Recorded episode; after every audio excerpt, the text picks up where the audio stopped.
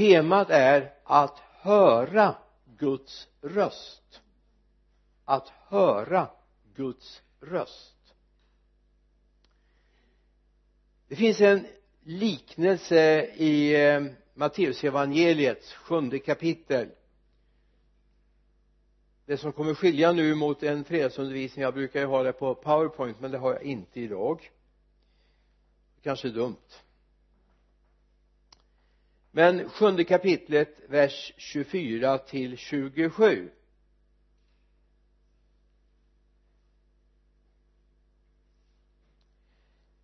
den som därför hör dessa mina ord och handlar efter dem han liknar en förståndig man som byggde sitt hus på klippan. Regnet öste ner störtfloden kom och vindarna blåste och kastade sig mot det huset men det föll inte eftersom det var grundat på klippan. Men den som hör dessa mina ord och inte handlar efter dem han liknar en dåre som byggde sitt hus på sanden. Regnet öste ner störtfloden kom och vindarna blåste och slog mot det huset. Och det föll samman och dess fall var stort. I uppenbarelseboken i de så kallade sändebreven så finns en passus i alla brev. Där det står att den som har öron hör vad anden säger till församlingen. Återkommer sju gånger. Den som har öron hör vad anden säger till församlingen. Och eh, det här återkommer också i uppenbarelsebokens trettonde kapitel att den som hör eller den som har öron hör vad anden säger.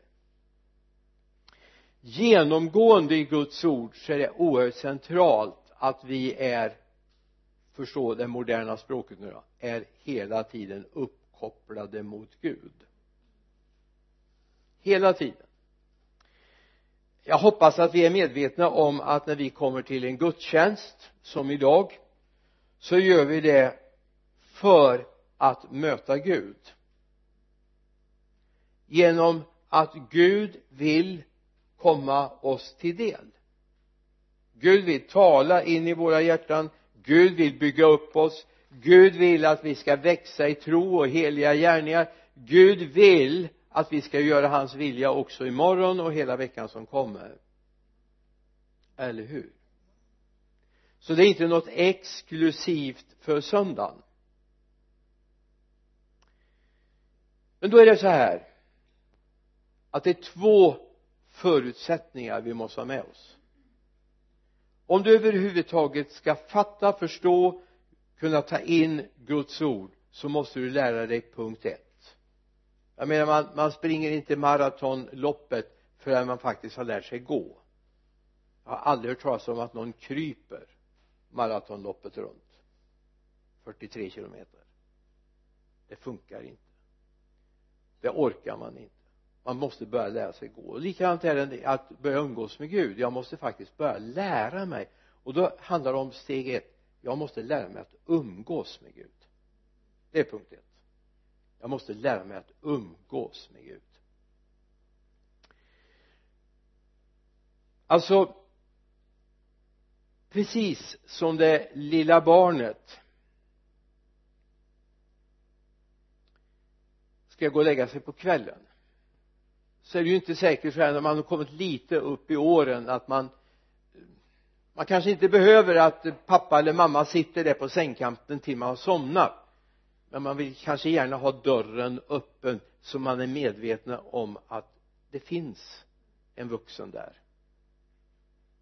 Lära sig att lyssna in till och med det som inte direkt är en ett meddelande eller att man diskuterar svåra lösta problem till C-problemet och sådana här saker utan bara detta medvetenheten om att den här vuxne finns där. Så är det också i den andliga världen. Vi måste ha lära oss en sak och det är att umgås med Gud. Och lära oss att Gud alltid är nära oss. Och det är inte alltid så att vi precis som det lilla barnet alltså när barnet ska somna så tar man ju inte upp de där svåra samtalsämnena om hur går det på dagis? Hur är det med kompisarna på dagis och, och, och vad ska vi äta till mat när du vaknar imorgon och, och så här. eller ska vi köpa en ny cykel? Ja men de samtalsämnena tar man inte upp just då. Utan då finns det bara den här trygghetsaspekten som ska finnas där och Gud hanterar sina barn på samma sätt. Gud hanterar oss också så vi ska uppleva trygghet hos honom. Och det här är viktigt att vi lär oss det här att om du vill någon gång framöver få förmedla någonting som Gud har sagt som du ska bära med dig och dela som en gudomlig hälsning eller en profetia eller en uppenbarelse till någon så måste du ha startat i att du har lärt dig jag kan umgås med Gud. Liksom känna Guds hjärtslag, Guds närvaro i, i, i din närhet. Och så kommer de andra dagarna. Söndagen är vi ju medvetna om att nu, nu är vi här och, och Gud vill tala till oss och gör det genom syskonen, genom lovsångerna, genom bönerna, genom bibelorden och genom förkunnelsen. Och så kommer det imorgon bitti det står förhoppningsvis ingen och predikar för dig imorgon bitti vi spelar inte in på video så du kan inte köra det på som morgon-tv-program. Kanske vore inte vore så dumt istället för morgon-tvn att slå på söndagens predikan i tvn kanske det vore mer uppbyggligt än mycket av det som levereras. Men även om inte det står någon människa där så finns Gud där. Jag garanterar. Den första som säger god morgon till dig imorgon är Gud. Är du medveten om det? Alltså om du vaknar klockan tre, fyra, fem, sex eller vilken tid du vaknar på morgonen så är den första som vill säga god morgon till dig Gud. Därför han är alltid hos oss. Han sover inte. Han drar sig inte undan. Han är alltid där. Och han vill alltid bevisa sin omsorg och sin kärlek till dig. Och det här är viktigt att vi får tag i det här. Det första som eh, den här mannen som är känd från boken eh, korset stilett, eh, stiletten Nicky Krause eh, när han, när han var precis nyomvänd ligaledare i New York eh, hade varit med och både dödat människor, sett människor dö och sett människor i sitt eget gäng dö. Så får han ta emot Jesus Kristus. Han blir förvandlad. Han hade lärt sig någonting på första dagen. Det var att Gud fanns där. Gud fanns där. Närvarande. Det var hans trygghet. Så det första han säger när han ska gå och lägga sig den där första som nyfrälst kvällen det är tack för idag Jesus. Så långt jag vet är det inget som skiljer dig och mig åt. Vi tycker om varandra. Godnatt och när han slår upp ögonen dagen efter när vet jag inte. Så säger han tack för att du är här och vakar vid min sida. Tack för att du är här och vakar. Han hade lärt sig det finns en Gud vid vår sida. Alltid. Jag läste för några år sedan om ett sånt här eh, förarlöst flygplan de hade inte fått de namnen på dem som de har nu. Utan det var förarlöst flygplan. Det här var under uttestningstiden. Och man testade hur långt man kunde få det här flygplanet. Men helt plötsligt händer någonting. Flygplanet tappar kontakten med ledningscentralen eller den som styr planet. Någonting händer. Radarskärmarna släcks ner så de kan heller inte övervaka vart det tar vägen. Och det fruktansvärda var det var lastat faktiskt med en stridsspets. Och det gick bra. Det hamnade någonstans i Stilla havet. Men innan de hade upptäckt det så känner jag så här. Det här läste jag i eh, om det var CNN eller någonting som som rapporterar om det här för många år sedan. Så om jag vill så kan jag lyssna in himmelens nyhetssändning. Den helige ande. Vet du vad han säger? Det är smärta i himlen. För han säger jag har tappat kontakt med så många av mina barn. Jag har tappat kontakt. Inte på grund av att han har slarvat eller gjort något fel. Utan så många har inte förstått att Gud ständigt är intresserad av våra liv. Varje dag. Varje dag. Han vill vårda sig om oss. Han vill se att vi har det bra. Vad skönt att veta att det finns någon som vill att jag ska må bra. Och som vill ta hand om mig. Vill till och med förvarna mig om saker och ting. Det står så här att eh, i gamla testamentet så levde man med att profeterna talade Guds ord till människorna. Men så står det i Hebreerbrevets första kapitel och de första verserna. Ska se om jag kan bläddra upp det här. Så står det så här i vers 1 sedan Gud i forna tider många gånger på många sätt har talat till fäderna genom profeterna har han nu i den sista tiden talat till oss genom sin son honom har han insatt till att ärva allting och genom honom har han också skapat världen. I gamla förbundet så talade Gud genom profeterna. Men vi lever i nya förbundet. Vi lever i nya förbundet. Alltså vi behöver inte gå till prästerna vi behöver inte gå till profeterna och fråga vad Gud vill utan vi kan gå direkt till far och fråga vad han vill. Gud behöver inte gå till först profeterna och till eh, prästerna utan Gud går till sitt folk.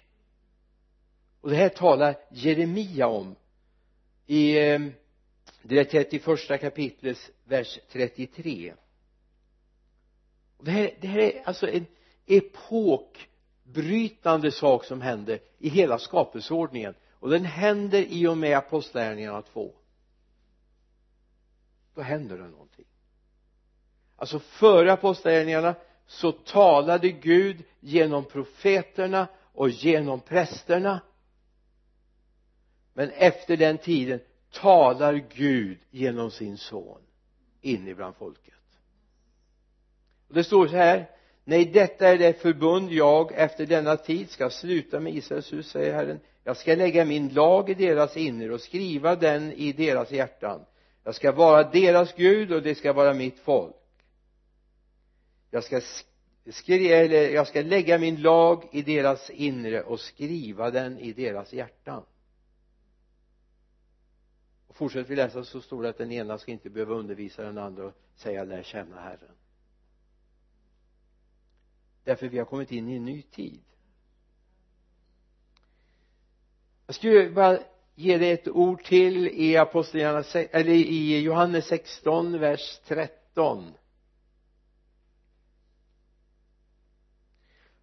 alltså det mest naturliga som finns jag, jag är inte säker på att alla kommer hålla med mig nu men eh, jag, jag gör det här påståendet ändå att det mest naturliga som finns för en kristen det är att lyssna in Gud. Lyssna in Gud. Det är inte alltid vi vill men det är en annan sak. Det är inte alltid vi förstår. Det är en annan sak. Men det mest naturliga det är att varje dag lyssna in Gud. Precis som ett barn lyssnar in sina föräldrar. Även om de inte vill erkänna det så tar man modell efter föräldrarna. Man gör det. Man önskar ibland att även barnbarnen gjorde det men vi får se hur det går med den saken. Här står någonting. Och nu, nu ska jag ge dig en en viktig hemlighet som kristen. En viktig hemlighet. Som du har tillsammans med Gud. Då står det så här i vers 13 men när han kommer sanningens ande då ska han föra er in i hela sanningen. Ty han ska inte tala av sig själv utan allt det han hör ska han tala. Och han ska förkunna för er vad som kommer att ske och han ska förkunna för er. Vilka är det? Vilka är förkunna för er? Vilka är dessa er här? Är det vi? Han ska förkunna för er vad som kommer att ske. Jag hävdar inte att vi kommer att veta i detalj när Jesus kommer tillbaka. För det står det att det ska vi inte veta. Det vet bara fadern det vet bara fadern men du ska kunna vakna på morgonen och ha en magkänsla om jag får använda det uttrycket för det är ju sådana inneuttryck idag. Man har en magkänsla säger att idag kommer det hända någonting. Jag vaknade med en sån magkänsla igår. Att det kommer hända någonting. Och det gjorde det. Men det kan vi släppa nu. Det gjorde det och det var inte av det goda slaget. Man kan ha en magkänsla för det goda också. Alltså det fanns en förberedelse. Vad var det den här känslan ville ge mig? Jo den ville ge mig du måste be. Du måste ta tid och be idag. Söka Herren. För det var precis den signalen som kom in i mitt inre. Du måste söka mitt ansikte idag. Du är, du är mer beroendegjord av mig idag än du vanligtvis kanske är. För att inte säga att man alltid är beroendegjord av honom. Så han informerar genom sin ande in i våra hjärtan vad som kommer att ske. Nu ska inte jag gå in på men jag har en speciell magkänsla om jag får använda det här lite galna uttrycket egentligen. Men det beror på att känner man oro känner man någonting så, så känner man det nere i magen, eller hur? Jag skulle hellre vilja säga att jag känner det i min ande. Men var sitter anden någonstans? I mitt hjärta kanske? Jag har en speciell känsla när det gäller det som sker i mellanöstern just nu. Jag ser ett timglas framför mig. Det här är en parentes nu predikan. Jag ser ett timglas framför mig och jag ser hur den där lilla sanden håller på att rinna ut. Någonting stort märkligt kommer ske inom det här eller nästa år. Jag vet inte vad men jag bara har känsla nu måste du be. Nu måste ni be. Och när jag blev uppmuntrad här om eh, eh ja, var förra söndagen att den här flaggan, Syriens flagga som annars står där uppe den ska stå här tillsammans med våra bönområden Thailand och Israel. Där ska den stå nu en tid. Därför det här är ett bönområde och då representerar inte det bara Syrien. Nu är det så att nu har vi bara Syriens flagga från de här länderna här. Eh, vi skulle behöva haft både Jemen och Somalia så vi skulle behöva haft Libyen så vi skulle behöva haft eh, Tunisiens flagga, Egyptens flagga och så vidare och vi behöver få lyfta upp det här området. För någonting håller på att ske som är oerhört centralt. Slut parentes. Det här har Gud ordnat att du ska kunna känna så här. I apostlagärningarnas andra kapitel vers 38 och för att inte vi ska dra iväg för långt så tar vi bara sista delen av vers 38 då står det då ska ni få den heliga ande som gåva. När då? Jo när vi kommer till tro ska vi få den heliga ande som gåva. Yes. Det betyder inte att den är upppackad och klar användad. Det är precis som när jag köpte min eh, bärbara dator för ett tag sedan. Allt fanns där men datorn var ju inte installerad än. Det fick jag lov att göra själv välja språk och uh, bakgrund och vilka program jag skulle komplettera med och så vidare. Det fick jag göra själv. Och det är som att så är det med den helige ande. Du har fått det. Men nu måste den aktiveras i ditt liv. Alltså vad har du för en glädje av att veta att jag har den helige ande om du inte använder det? Du behöver inte vara rädd om det. Den slits inte ut den helige ande. Alltså det är en person som finns och du har fått den som en gåva för att du för det första ska veta vad som kommer att ske. Du ska också ha någonting som hela tiden säger till dig att du längtar hem till himlen. Det finns där. Inbyggt. Och du kanske tycker att vi är långt borta ifrån detta att, att börja lyssna och, och hur jag ska lyssna på, på, på Gud. Men det här är liksom basen medvetenheten om att jag umgås med Gud. Han finns där. En parallell till att lyssna till Gud eller vad ska jag säga en följd av att lyssna till Gud det är det som står i första Korinthierbrevet 12 kapitel vers 10 den sista delen. Så att en får gåvan att profetera en annan att skilja mellan andar. En får gåvan att tala olika slags tungomål en annan att uttyda tungomål en annan skilja mellan andar var kommer det ifrån? Jo det är en Guds gåva som den helige ande ger dig. Förmågan att lyssna in vad är fräscht vad är ofräscht vad kommer från Gud vad som är heligt och vad kommer från en annan källa och jag kan säga nu på en gång jag kommer ta upp dem en liten liten stund. Bara för att någon citerar Guds ord så är det inte säkert att det kommer från rätt källa. Jag säger bara Matteus 4 frestelsen. Djävulen kunde också citera bibeln. Så kom ihåg det bara för att någon kan citera Guds ord som stöd för det den säger så är det inte säkert att det kommer från Gud. Och det här är viktigt vi har klart för oss. Vi måste träna vårt öra till att höra Guds närvaro. Precis som jag sa inledningsvis. Vi måste lära oss att lyssna in Guds närvaro. Känner du igen den? Känner du igen Guds närvaro? Ja jag kan väl säga att Guds närvaro skapar sällan ofrid.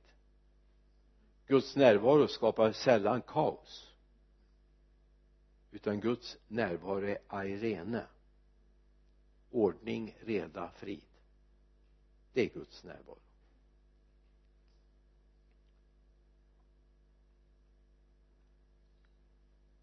Om vi inte får tag i det här du har det i psalm 118 till exempel vers 6 7 kunna läsa hela psalm 118 egentligen men jag väljer ut några verser Herren är med mig. Jag ska inte frukta. Vad kan en människa göra mig? Herren är med mig. Han är min hjälpare. Jag kan utan fruktan se på dem som hatar mig. Det är bättre att ha sin tillflykt till Herren än att lita på människor det är bättre att ha sin tillflykt till Herren än att lita på förstar. Vad är att ha sin tillflykt till? Jag har lärt mig Guds närvaro. Var söker jag Guds närvaro? Alltså ibland har vi fått en sån där överdriven tro på allt det här karismatiska yttringarna. Människor faller och, och, och det profeteras och det talas ut saker över människor det är okej. Okay. jag har inga problem med det. Jag har bara ett problem. Det är att har vi inte lärt oss Guds tysta språk? Guds närvaro? Vad det innebär? Men den enda gången barnen älskar sina föräldrar är ju inte när de gapar och skriker på dem. Och säger gör så, gör så, låt bli det! Det är ingen bra grej alltså. Gud är inte sån heller. Utan det finns en vänlighet, en mjukhet i tonen från Gud. Och det är det vi måste lära oss. Alltså Gud ska inte behöva liksom sätta på tusen watts förstärkaren och, och, och skrika i mitt öra för att jag ska höra utan han finns där i min närvaro. Och då är det Herren är med mig. Jag ska inte frukta. Vad kan en människa göra mig? Herren är med mig han är min hjälpare. Jag kan utan fruktan se på dem som hatar mig. Yes. Eller Paulus uttrycker samma sak i eh, Romarbrevets åttonde kapitel verserna 31 och 32 vad ska vi nu säga om detta skriver Paulus? Är Gud för oss? Vem kan då vara emot oss? Han som inte skonade sin egen son utan utlämnade honom för oss alla. Hur skulle han kunna annat än också skänka oss allt med honom? Bara den här känslan. Är Gud för oss? Alltså ibland blir jag väldigt bekymrad. Jag möter kristna som inte är säkra på att Gud är för dem men jag tänkte faktiskt en dum tanke i, ja för fem år sedan. Kan Gud verkligen vara för mig?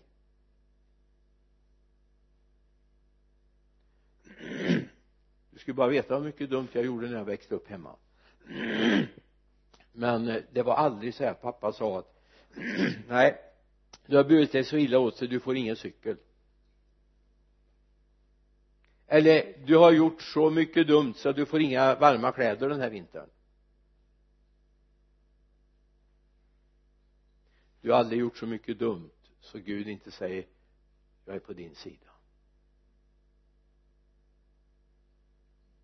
Jag är på din sida.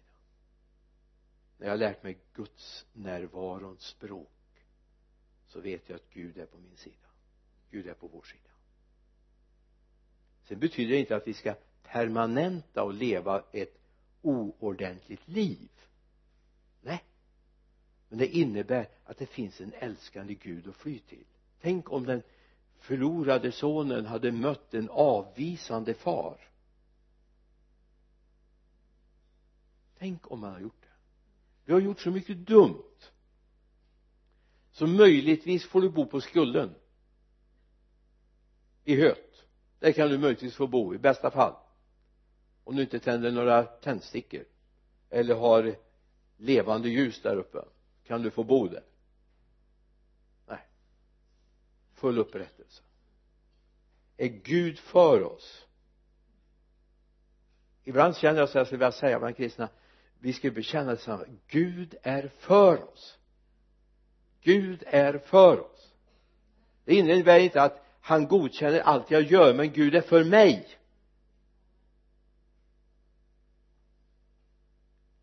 Vem kan då vara emot oss? Vem kan då vara emot? Ingen. Om du ska förmedla den tryggheten till människor i ditt vittnesbörd i ditt liv så måste du själv ha smakat det. Alltså vi kan inte börja prata om det här med människor att Gud är på vår sida, Gud älskar oss Gud är alltid med oss om vi inte själva har smakat det det blir en väldigt falsk smak. Väldigt underligt. Det är viktigt att jag själv erövrar den här upplevelsen, den här känslan, den här vissheten om trygghet i Guds närvaro.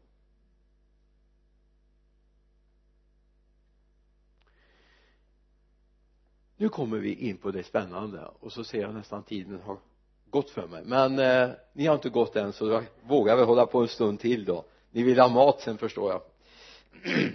så det, det är ju det är min tröst då. Du är välkommen att stanna och äta med oss.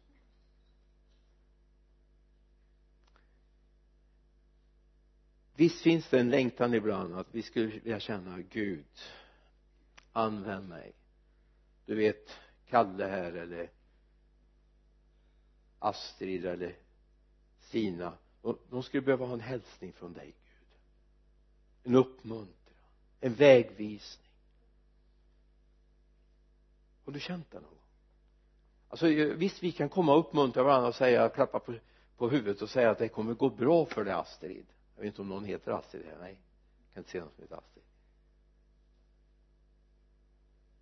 Och det, det är ju gulligt, eller hur? Det är ju bättre än att säga vad dum du är. Det är ju ingen hit. Men ibland känner vi att jag skulle vilja säga någonting som jag vet jag har hämtat direkt hos Guds hjärta in i den människans liv. Har någonting med en profetisk ton har du längtat efter det någon gång? Jag längtar ofta efter det. Hjälp mig att ha något profetiskt. Då ska jag säga dig även här finns ett steg ett. Om du inte vågar styra ditt liv efter tilltal från Gud hur ska vi då våga förmedla det vi upplever? Till andra. Är andras liv mindre viktiga än ditt liv? Är andra människors illamående eller välgång mindre intressant än ditt eget livs? Du måste börja med fråga Gud om tilltal för dig själv för min vandring. Vad du behöver. Det behöver inte vara stora grejer men, men just detta att börja vandra i det här. Men Gud vad säger du till mig idag? Nu, nu är jag på väg till jobbet eller nu är jag på väg till, till det jag ska göra idag. Vad har du för en hälsning till mig Gud? Jag kör försiktigt men det, det kunde ju gubben eller gumman säga. Eller mamman eller pappan eller vad det nu kan de, de kan ju också säga det, eller hur? Så det är inte speciellt profetiskt. Eller var rädd om dig nu. Har Gud någonting vill han förbereda dig för dem du ska möta under dagen? Alltså vi måste börja med att lyssna in för vår del vad Gud säger. Men sen kommer nästa steg när jag vågar förmedla det eller vågar till och med styra mitt liv till andra människor. Det finns en mängd exempel. Jag vill bara ta tre exempel om jag får tid med det. Jag ska börja nämna och du har det i apostlagärningarna 8 26 till 29 eh, två mycket märkliga saker i det här sammanhanget. Det är ju Filippos som då på grund av förföljelsen i Jerusalem har hamnat i Samaria och där brann det verkligen en väckelse. Människor kom till tro. Eh, demoner får ut. Människor blir helade. Apostlarna från Jerusalem kommer ner och kollar läget. Hur är det? Mitt i det här så kommer en Gud, en Herrens ängel och så talar till Filippos. Gå vid middagstiden ut på den väg som leder från Jerusalem ner till Gaza den ligger öde. Och så finns det ett vers 29 då sa anden till Filippos. Alltså nu hade Filippos efter det han har upplevt det han har gått igenom med prövning uppe i Jerusalem han var på landsflykt och Gud använde honom i landsflykt. Han vågade inte åtminstone stadsflykt jag på att säga. Och han hade lärt sig att börja lyssna in Gud och nu var han beredd. Och kunde få förmedla någonting. Gud styrde honom. Han hade lärt sig att vara med Gud. Och nu kunde Gud använda honom. Jag skulle nämna om Paulus som gång på gång jag tar inte upp något enskilt exempel men gång på gång så kommer Guds ande och säger så här blir det, så här ska du göra, så här ska du inte göra. Det är både när han är på väg åt ett håll men han upplever som en syn en natt att det står en makedonsk man och säger kom över och hjälp oss. Han byter kurs och han åker över och så hamnar han i Filippi fängelse. Ganska spännande egentligen. Men där blir det väckelse. Det bildas en församling i Filippi utifrån detta. Han eh, är med om ett skeppsbrott och, och, och han sitter där och, och, och ber i båten och de är alldeles förtvivlade och undrar över vad, vad sysslar han med? Han skulle vara med och hjälpa till. Och då säger Herren till honom inte en enda av dem som är med på båten ska gå förlorade även om man ränner upp på klippan och båten går sönder. Så kommer alla helskinnade i land. Han meddelar det till, till skepparen. Du behöver inte vara bekymrad. Alla kommer att klara sig. Och när man räknar in dem så säger man oj alla är här ingen har drunknat där ute på medelhavet. Men jag har ett ännu mer spännande exempel. Från gamla testamentet och det är kung, eller Daniel när han är hos kung Belsassar i Danielsbokens femte kapitel. Alltså Belsassar har haft en dröm. Han är jätteorolig. Han hade bestämt sig för att den spåman eller den tydare som fanns skulle både få drömmen förklarad och tydningen på den. Han tänkte inte berätta vad han hade drömt och vad han hade sett. Och de gick bet. Och kungen var inte speciellt snäll mot dem heller kan man ju inte påstå precis. Och Daniel man har hört att den där Hebrén Daniel som egentligen var fången nu på grund av det han hade ställt till med. Han hade jobbat i, i, i huset eller ja ställt till med som andra hade ställt till med. Så han var satt åt sidan. Men nu vart han framhämtad. För Belsassar hade hört att han faktiskt kunde tyda drömmar? Hade ni några exempel? Och så kommer han när han träder fram inför kungen och säger jag behöver inte ha någonting av det här som du har dukat upp för att jag ska göra det här nu. Utan min Gud ska tala om för dig vad det är. Och det är en så alltså läs Danielsboken 5 det är så detaljerat. Så man häpnar. Och han är väldigt rak mot Belsassar du borde eftersom din far Nebukadnessar hade lidit så svårt till och med ätit gräs som en oxe och betett sig väldigt undligt. Kungen i landet. Och dog i förtid. På grund av att han gjort en handling. Han har tagit av de kärl som fanns i Jerusalems tempel och så har man gjort ett dryckeslag. Därför dömde Gud Nebukadnessar och landet. Och så kom Belsassar till.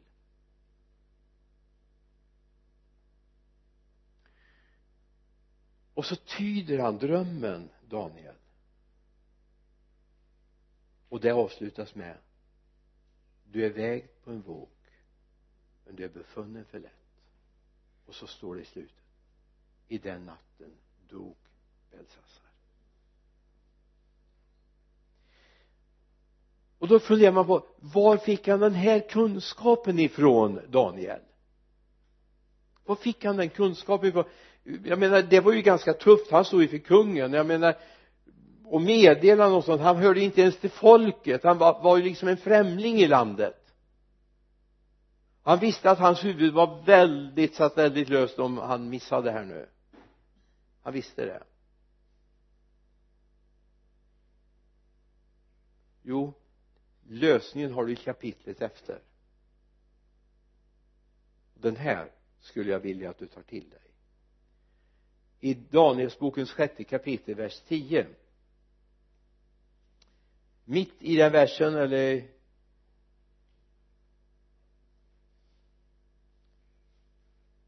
ja vi kan ta en, en sats in. Vi läser hela versen så det är enklare så vet ni var vi är någonstans va? Så snart Daniel fick veta att skrivelsen var uppsatt gick han in i sitt hus där hade han i sin övre sal hade fönstret öppet i riktning mot Jerusalem där föll han ner på sina knän tre gånger om dagen bad och tackade sin Gud så som han tidigare hade brukat göra. Det hörde till hans vana att tre gånger om dagen söka Guds ansikte trots att han var i främmande land.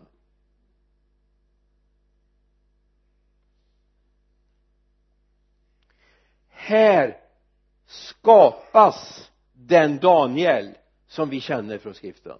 Han som vågar säga nej till landets mat han vill inte orena sig.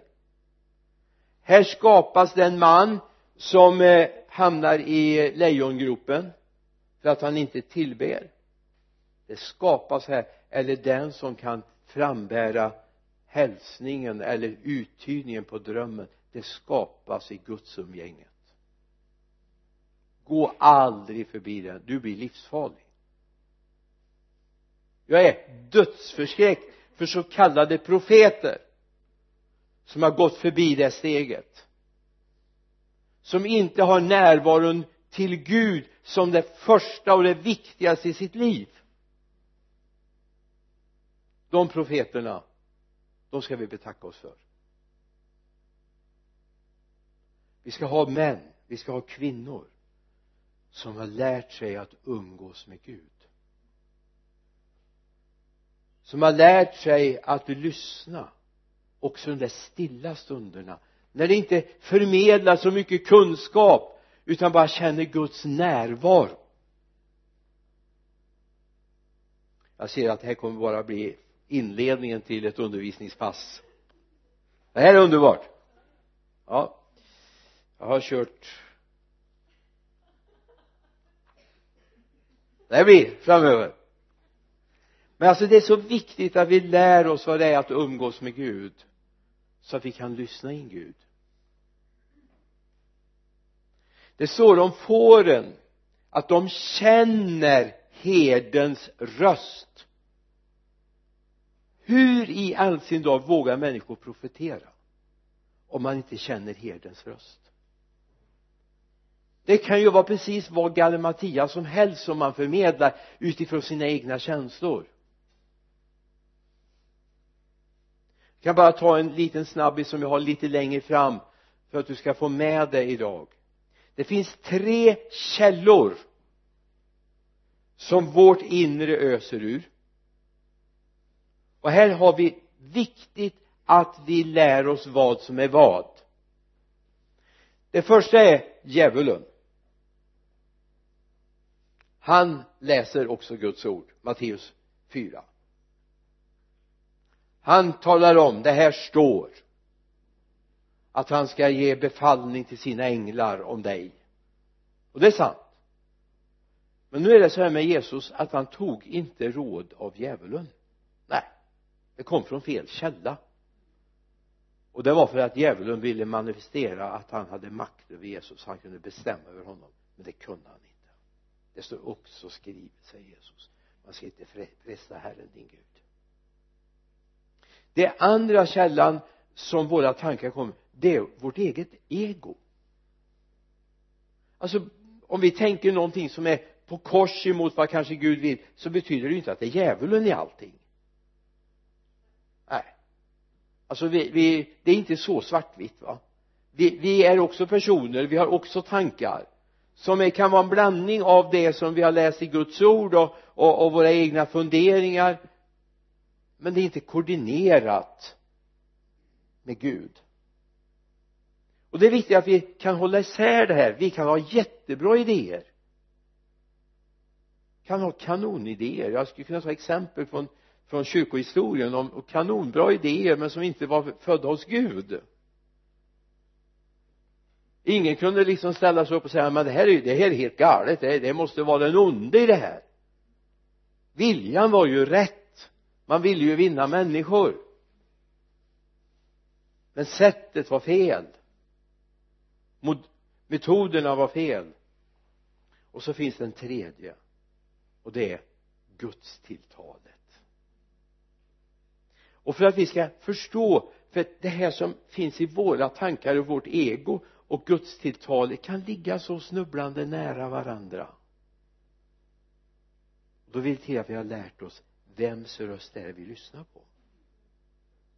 Vems röst är det? För är det Gud då håller det. Sen ska jag bara säga, får jag säga det inom parentes? Jag känner bara att jag måste komprimera lite grann.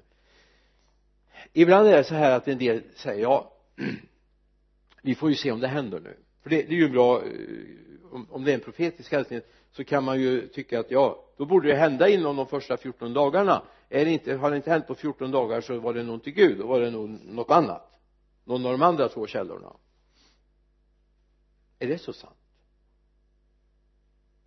Hur lång tid tog det från Jesu, från det att Jesaja profeterade om Jesu död och, och uppståndelse tills det hände?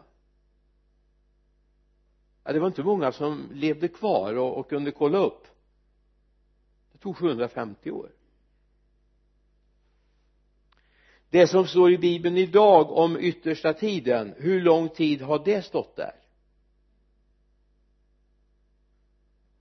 Ja, bort mot 2000 år. Inte fullt men bortåt där ja det finns ju det som är ännu äldre förstås som finns i gamla testamentet om vad som ska hända i den yttersta tiden i Sakarja och 14 till exempel.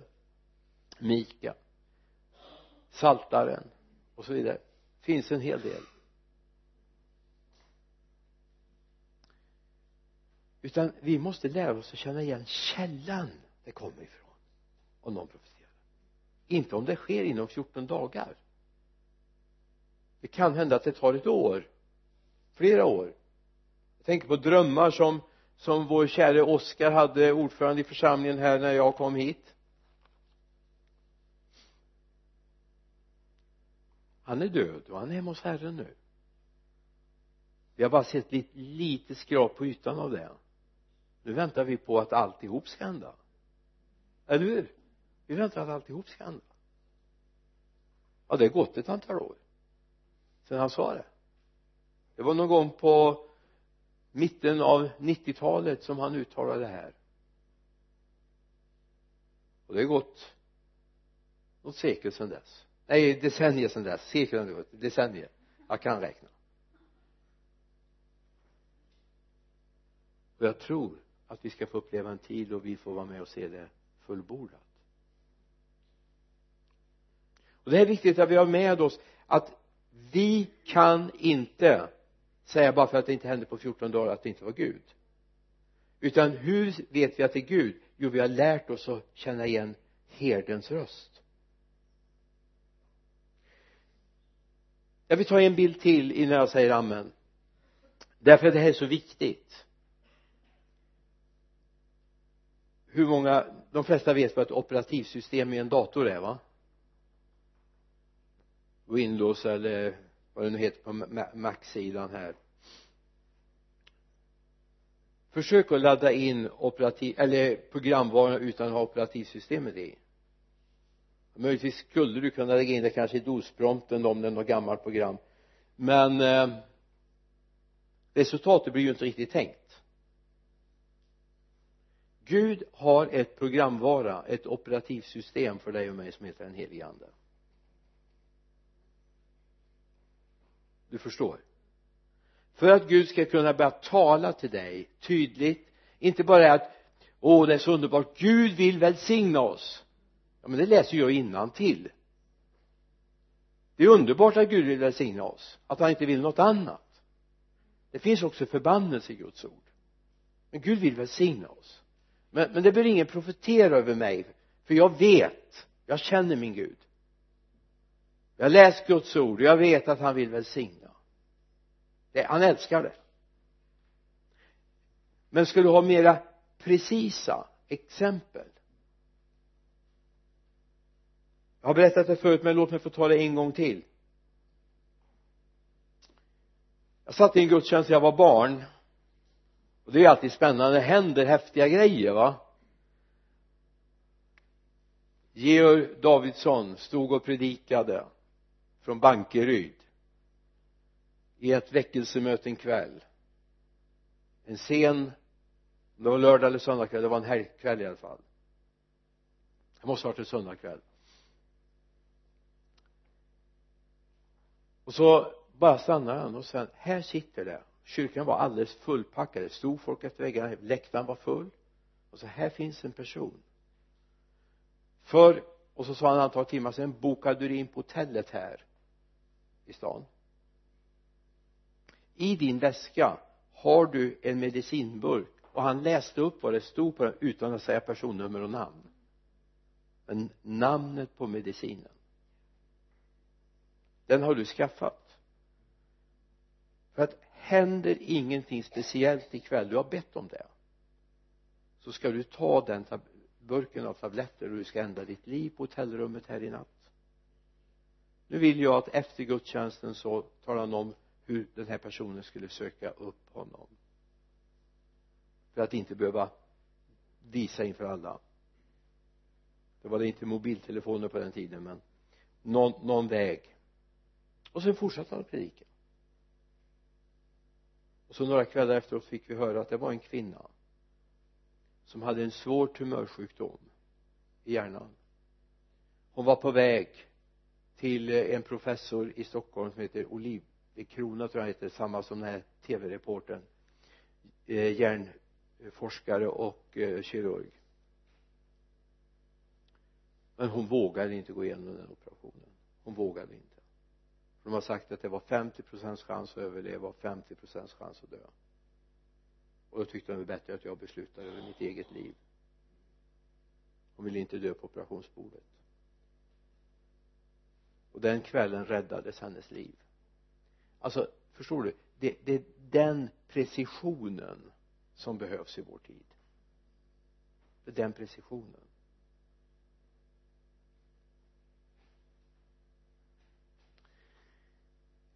Du behöver den helige ande.